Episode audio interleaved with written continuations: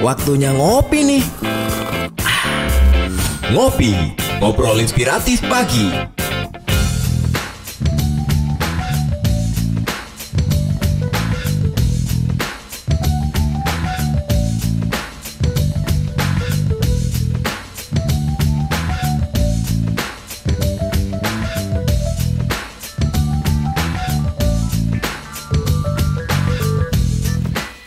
Delapan Prima Radio Surabaya Musik enak seharian. Halo apa kabar? Sahabat Prima Kita berjumpa di Ngopi Ngobrol Inspiratif Pagi Bersama saya Ira Nathanael Yang menemani Anda. Dan tentunya hari ini saya mau sapa dulu Yang ada di Rau FM Padang Sidempuan Sumatera Utara Rekan Rau apa kabar?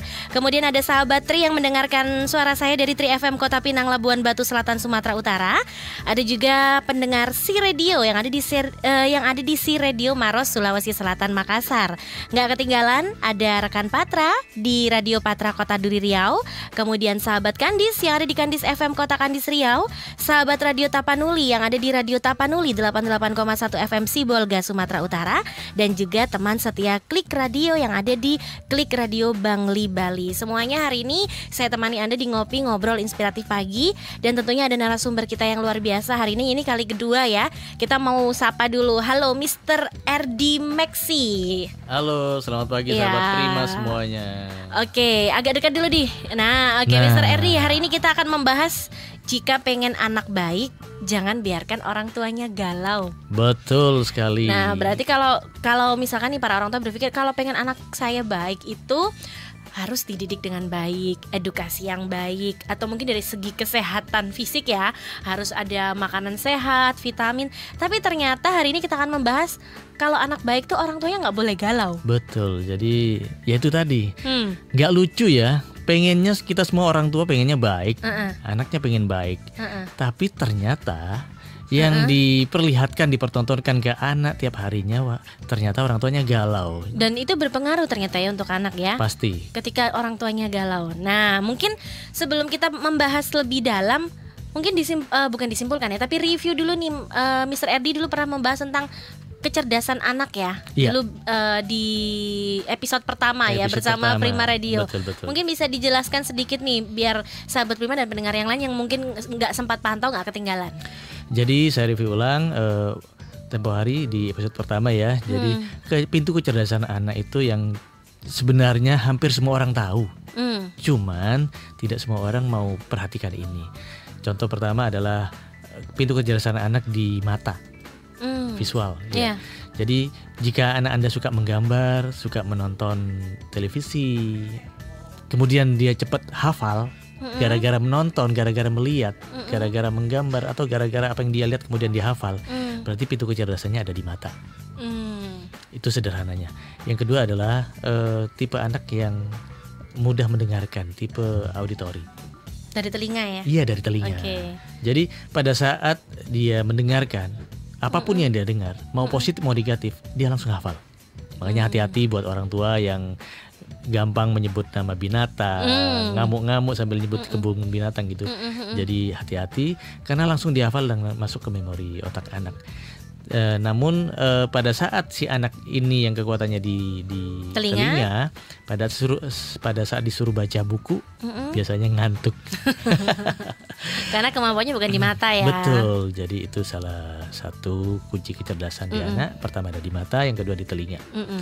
Kemudian uh, saya review ulang lagi yang yang di mata. Mm -mm. Seringkali orang tua itu wah ngomel tiap hari gak pernah didengerin ya mm -mm. sama si anak. Ternyata orang tua nggak paham kalau pintu kecerdasannya ada di mata ternyata. Mm. Nah pada saat ada di mata, berarti ya jangan diomelin terus dong, percuma mm. juga gitu kan, nggak akan mm. pernah masuk ke dalam otak anak karena dia kunci kecerdasannya ada di mata. Jadi mending dikasih edukasi mm -mm. lewat gambaran lewat visual ya iya visual visual, visual ya. langsung lihat surut alamnya itu nama pohon kelapa kayak gitu gitu kan itu hmm. namanya sawah itu namanya uh, seperti itu hmm. itu profesi dokter seperti itu jadi hmm. langsung lihat-lihat ke objeknya oke okay.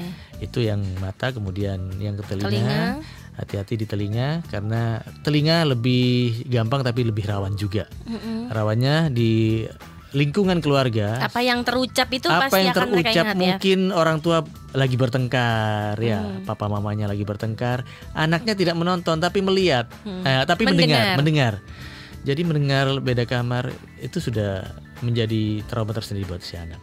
Oke. Nah, uh, kita ke tema kita hari ini nih, uh, Mr. Erdi. Uh, ketika orang tua galau itu bisa berpengaruh kepada anak. Nah, galau ini bisa dilihat dan juga bisa didengar ya. Iya. Berarti mereka yang punya kemampuan tadi ya, secara visual atau atau secara audio juga bisa berpengaruh ya. Iya, berpengaruh sekali. Oke. Nah, lalu bagaimana nih menciptakan anak yang baik yang bergantung kepada orang tua masa gini kan nggak mungkin juga orang tua ini kan juga penuh keterbatasan ya betul, betul. saya percaya tidak ada man, uh, tidak ada orang tua itu yang sempurna tidak ada manusia yang sempurna nah, juga termasuk orang tua juga pengennya baik tapi kita juga jadi untuk menjadi orang tua yang baik itu juga butuh proses pembelajaran nih Mr. Erdina.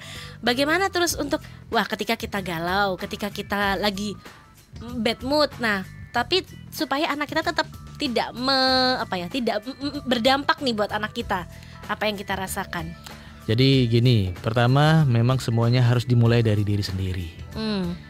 Uh, itu berlaku di mana pun tapi segmen yang hari ini kita kan di keluarga ya di yeah. keluarga kita mulai memberikan contoh yang terbaik buat si anak hmm. karena kita pun sebagai pernah jadi anak itu pernah melihat sisi baik dan buruk orang tua kita. Hmm dan anak yang baik mungkin tidak akan meniru keburukan orang tua kita. Nah, sebaliknya, begitu kita giliran kita yang punya anak. Begitu kita jadi orang tua? Ya, kita jadi orang tua. ini sudah saatnya juga nih yeah. yang ditunjukin yang baik-baik. Uh. Yang jelek-jelek ya bukannya nggak perlu ditunjukin, hmm. tapi jadi jadi prioritas supaya orang tua bisa mengkondisikan dirinya. Hmm. Jadi di di kami itu ada metode namanya metode edukasi roh. Mm -mm. Jadi raga mm -mm. otak hati itu yang dicek aja mm -mm. untuk me mengecek kegalauan diri pribadi. Mm -mm. Jadi silakan dicek raganya apakah sehat hari ini, kemudian otaknya apakah hari ini berpikir positif atau negatif, mm -mm. dan yang ketiga apakah hatiku hari ini tenang atau lagi cemas atau lagi ketakutan. Nah, itu salah satu yang bisa menyebabkan kegalauan diri pribadi dan itu yang hmm. yang perlu kita koreksi, kita jaga dan berikutnya persembahkan buat Anda tercinta.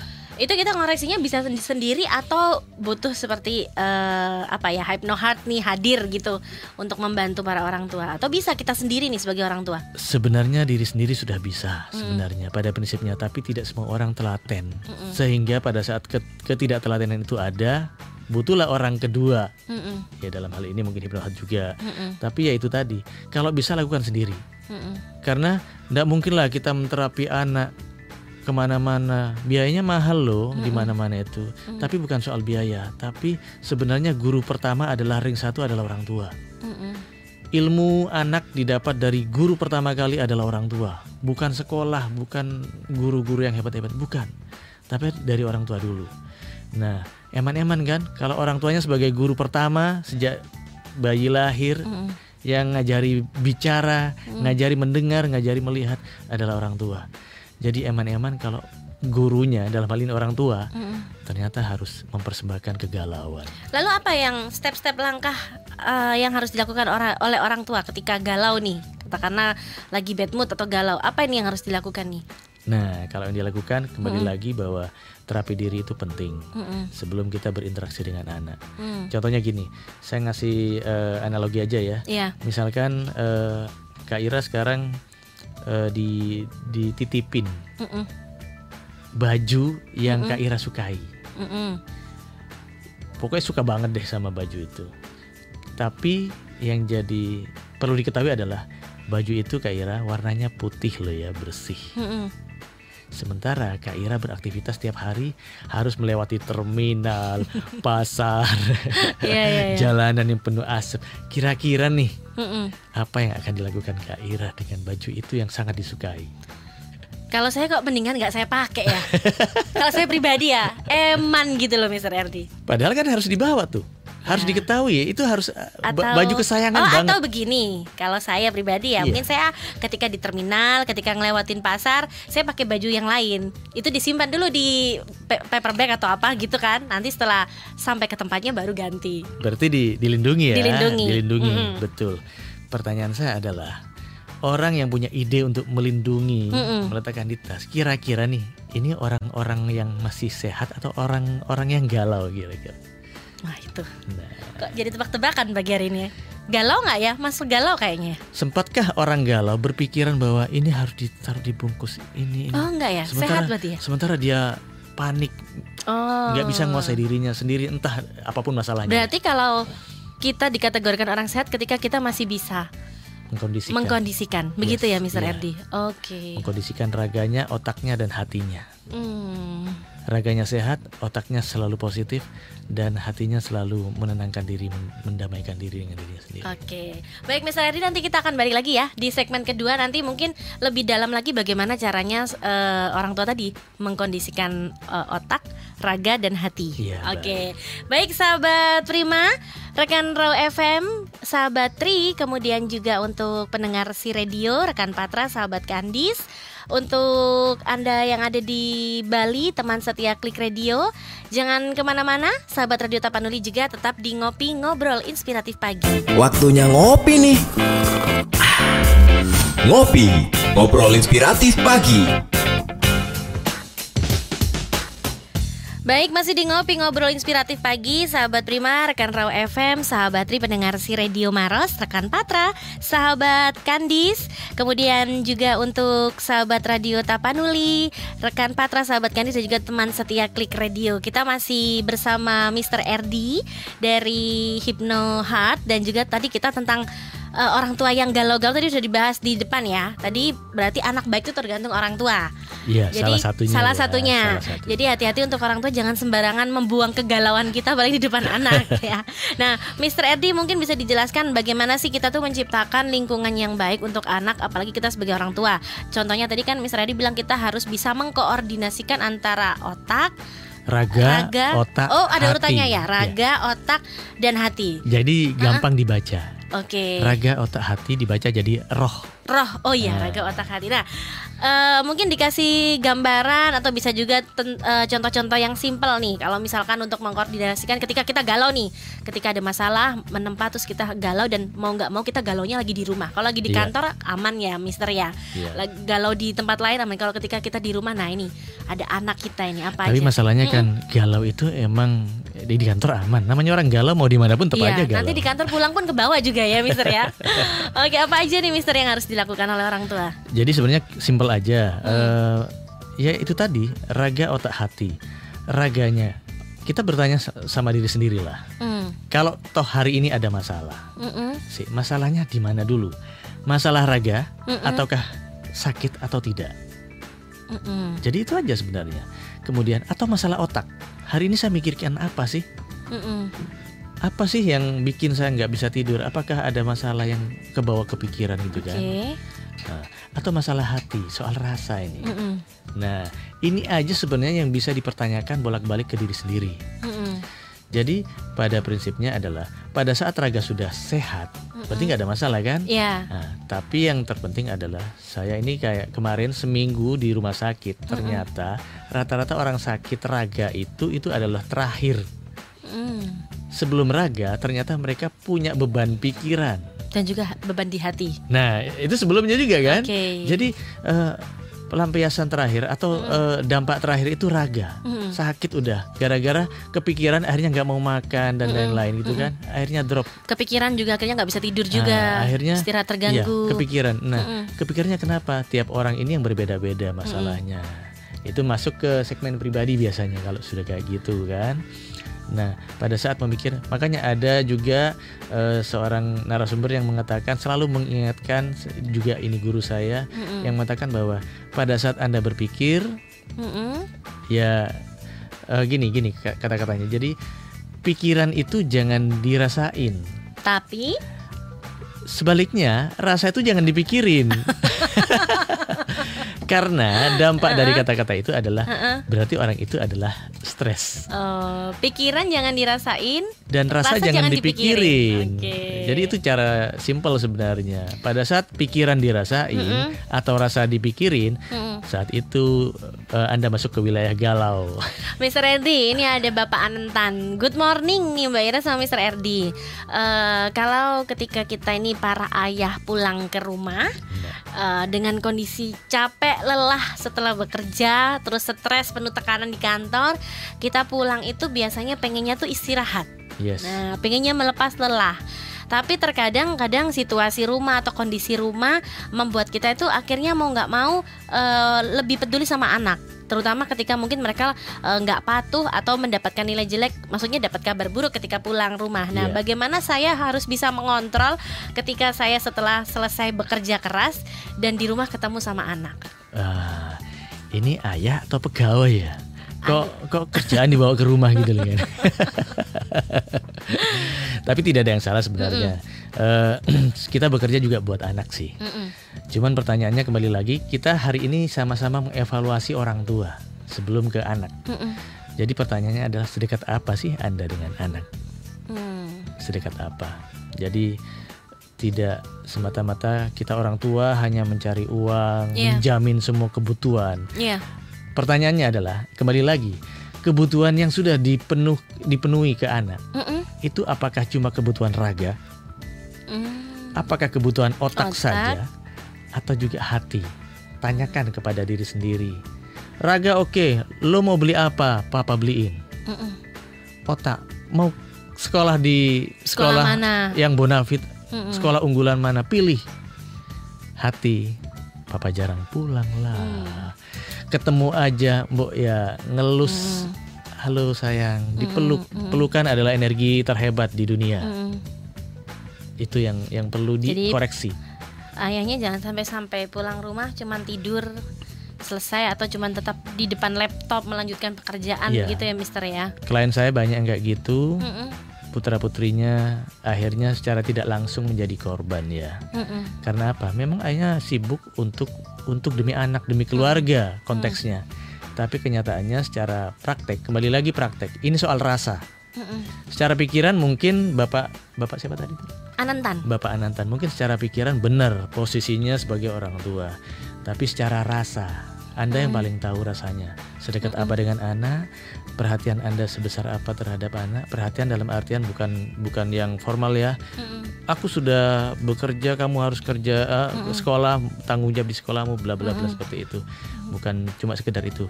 Tapi uh, kalau boleh saya sedikit cerita inspirasi, ada beberapa klien saya yang juga anaknya sukses. Ternyata anak seorang petani yang tidak sekolah Hmm. Kemudian waktu sedikit sharing sama beliau, yeah. ternyata petani itu bilang bahwa saya tidak pernah tahu ilmu sekolah anak seperti hmm. apa. Jadi kalau anak tanya saya, saya juga nggak tahu menjawab. Cuman sejak dia sekolah sejak kecil ya, hmm. saya selalu mendampingi pada saat dia belajar. Saya tidak pernah tahu ilmunya pelajaran sekolah, tapi saya selalu mendampingi. Jadi cuman stay di samping anak ya, gitu ya? Stay mm. di samping anak. Jadi itu adalah energi buat anak. Mm. Di mana anak punya rasa dan tidak bisa diterjemahkan ke logika akhirnya. Ini okay. soal ilmu rasa. Ini dari Bapak Konghui. Uh, apakah orang tua perempuan itu lebih sering galau daripada orang tua laki-laki? Nah.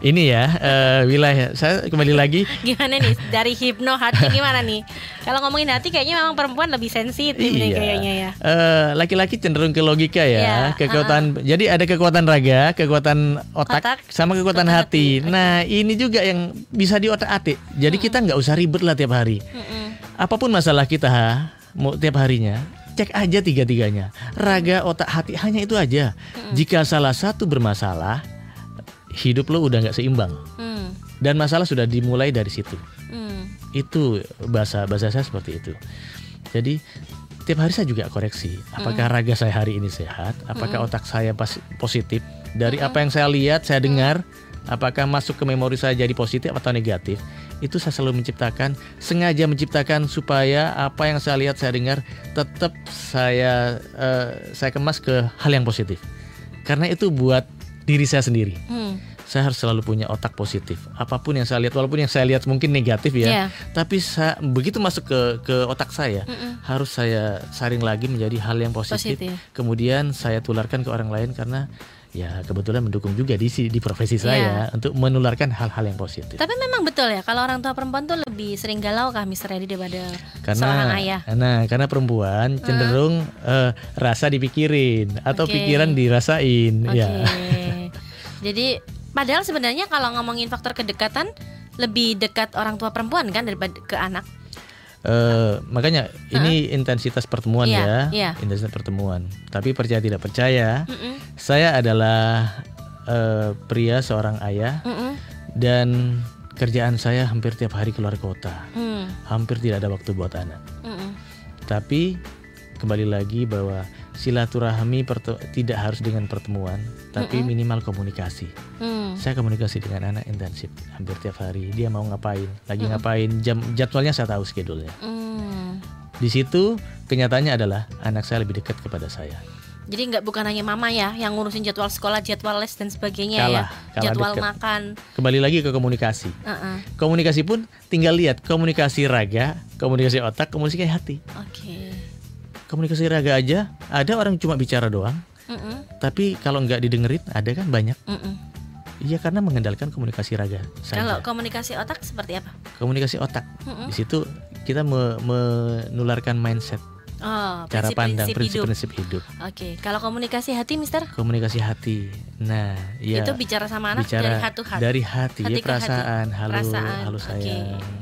Sambil dielus Iya. ya nah Oke. elusan juga itu adalah salah satu pintu kecerdasan tadi cuma dikupas dua Mm-mm. mata sama telinga Mm-mm. yang ketiga adalah Sentuhan. sentuhan, Oke. rasa Baik, Mister, nanti kita balik lagi ya di segmen Baik, ketiga. baik, ya. Dan sahabat prima dan pendengar yang lain, untuk Anda yang ingin bertanya, saya masih buka ya kesempatannya via WhatsApp di 0811 30 10 38 0811 30 10 38 atau lain telepon di 7388 500. Tetap di ngopi ngobrol inspiratif pagi. 103,8 Prima Radio Surabaya Musik enak seharian Masih di ngopi ngobrol inspiratif pagi bersama Mr. Erdi Maxi dari Hipnohat. Oke, Mr. Erdi ini segmen terakhir ya. Iya. Nanti sebelum kita ke review dan kesimpulan, eh, ini bagaimana sih cara kita memastikan untuk menemukan potensi diri dalam anak kita, eh, terutama tadi supaya apa ya eh, kita nggak asal membuang rasa galau kita sebagai orang tua lah ke sembarang tempat khususnya ke anak kita. Ya, jadi intinya pertama adalah kita mulai dari diri sendiri, dari orang tua dulu, sebelum kita mengarah ke anak. Setelah orang tua sudah mengetahui dirinya soal raganya, otaknya dan hatinya tuh sudah sehat semuanya tiga tiga hal ini, maka baru kita berpikir ke anak. Eh, eh, berikutnya adalah teknisnya adalah silahkan contohnya orang tua memeriksa anak dulu. Tadi dari pintu kecerdasan sudah dikenal ya, sudah tahu pintu kecerdasan. Kemudian ikuti bakatnya. Jadi di bakatnya itu dipantau saja pelajaran yang paling menunjang apa sih atau hobinya yang paling menonjol dia. Ikuti saja bakatnya. Kemudian itulah yang dijadikan pintu masuk untuk bidang-bidang yang lain. Oke. Jadi kalau dia memang sering kali ya orang tua di sejak entah apakah hari ini masih ada ya zaman saya dulu kalau kalau saya bebal di matematika itu di lesinnya matematika Masih ada nih, Mister. Eh, padahal Saya menemukan masih ada. padahal saya jujur saya nggak suka gitu Kalau kan bisa malah anaknya pintar Iya. di semua bidang. Itu saya masih paling ada orang seperti paling hitung duit aja gitu ya, kan Saya juga ngitung duit tapi duitnya orang gimana nih, Mister? gitu ya. Jadi intinya gitu, kenali si anak dulu bakatnya di mana. Pertama ya pintu kecerdasannya di mana. Dia suka lihat lewat mata atau mendengar. Kemudian langsung lebih spesifik ke pelajarannya atau ke hobinya. Hmm. Dia lebih menonjol ke mana sih? Bisa jadi dia di pelajaran mungkin menurun, tapi Iya. ternyata dia punya kelebihan di musik atau di futsal atau Mm-mm. atau apalah Seni mungkin seni ya. mungkin ya. Mm-mm. Jadi orang-orang orang ya orang pintar anak pintar tidak harus di bidang pelajaran sebenarnya. Tapi orang tua itu perlu mengenali itu. Dan, Dan, dan anak pintar belum tentu dia menguasai semua mata pelajaran kan kadang orang Iya. tua berpikirnya seperti itu kan. maunya Matematika Bayangin, 100, saya aja suruh IPA sekolah 100, sekarang suruh pikirkan ya pastilah ada ada ada memilih ya, Iya. memilih mana yang paling aku sukai pelajarannya. Mm-mm. Jadi tolong di, dicari apa yang yang paling disukai. Mm-mm. Jadi kalau sudah yang disukai itu dila- dilakukan sama si anak, yang lain itu bidang yang lain ngikut biasanya. Mm. Jadi kalau memang dia sukanya bahasa Inggris, Mm-mm. Ya udah dilesin aja bahasa Inggris. Mm-mm. Dia happy dengan bahasa Inggrisnya, dia happy dengan bidang itu. Mm-mm. Atau dia punya hobi apa, dia happy. Walaupun di mata orang tua kadang lupa waktu ya, saking Iya. hobinya gitu Iya. kan. Orang tua ya bikin kesel dan itulah dinamika dan fenomena kehidupannya di situ. Ikuti bakatnya, ikuti eh, kesukaan dia, Mm-mm. maka yang lain lebih mudah. Daripada dipaksa yang tidak suka, Mm-mm. Memang semuanya butuh paksaan di awal, Mm-mm. tapi tetap koreksi lagi Tetap apa- harus sesuai yang dia apakah inginkan sesuai ya. enggak dengan dengan apa yang dia inginkan dia impikan. Dan kemampuannya dia tadi yang lebih menonjol ya, Mister. Ya, karena bakatku bukan bakatmu.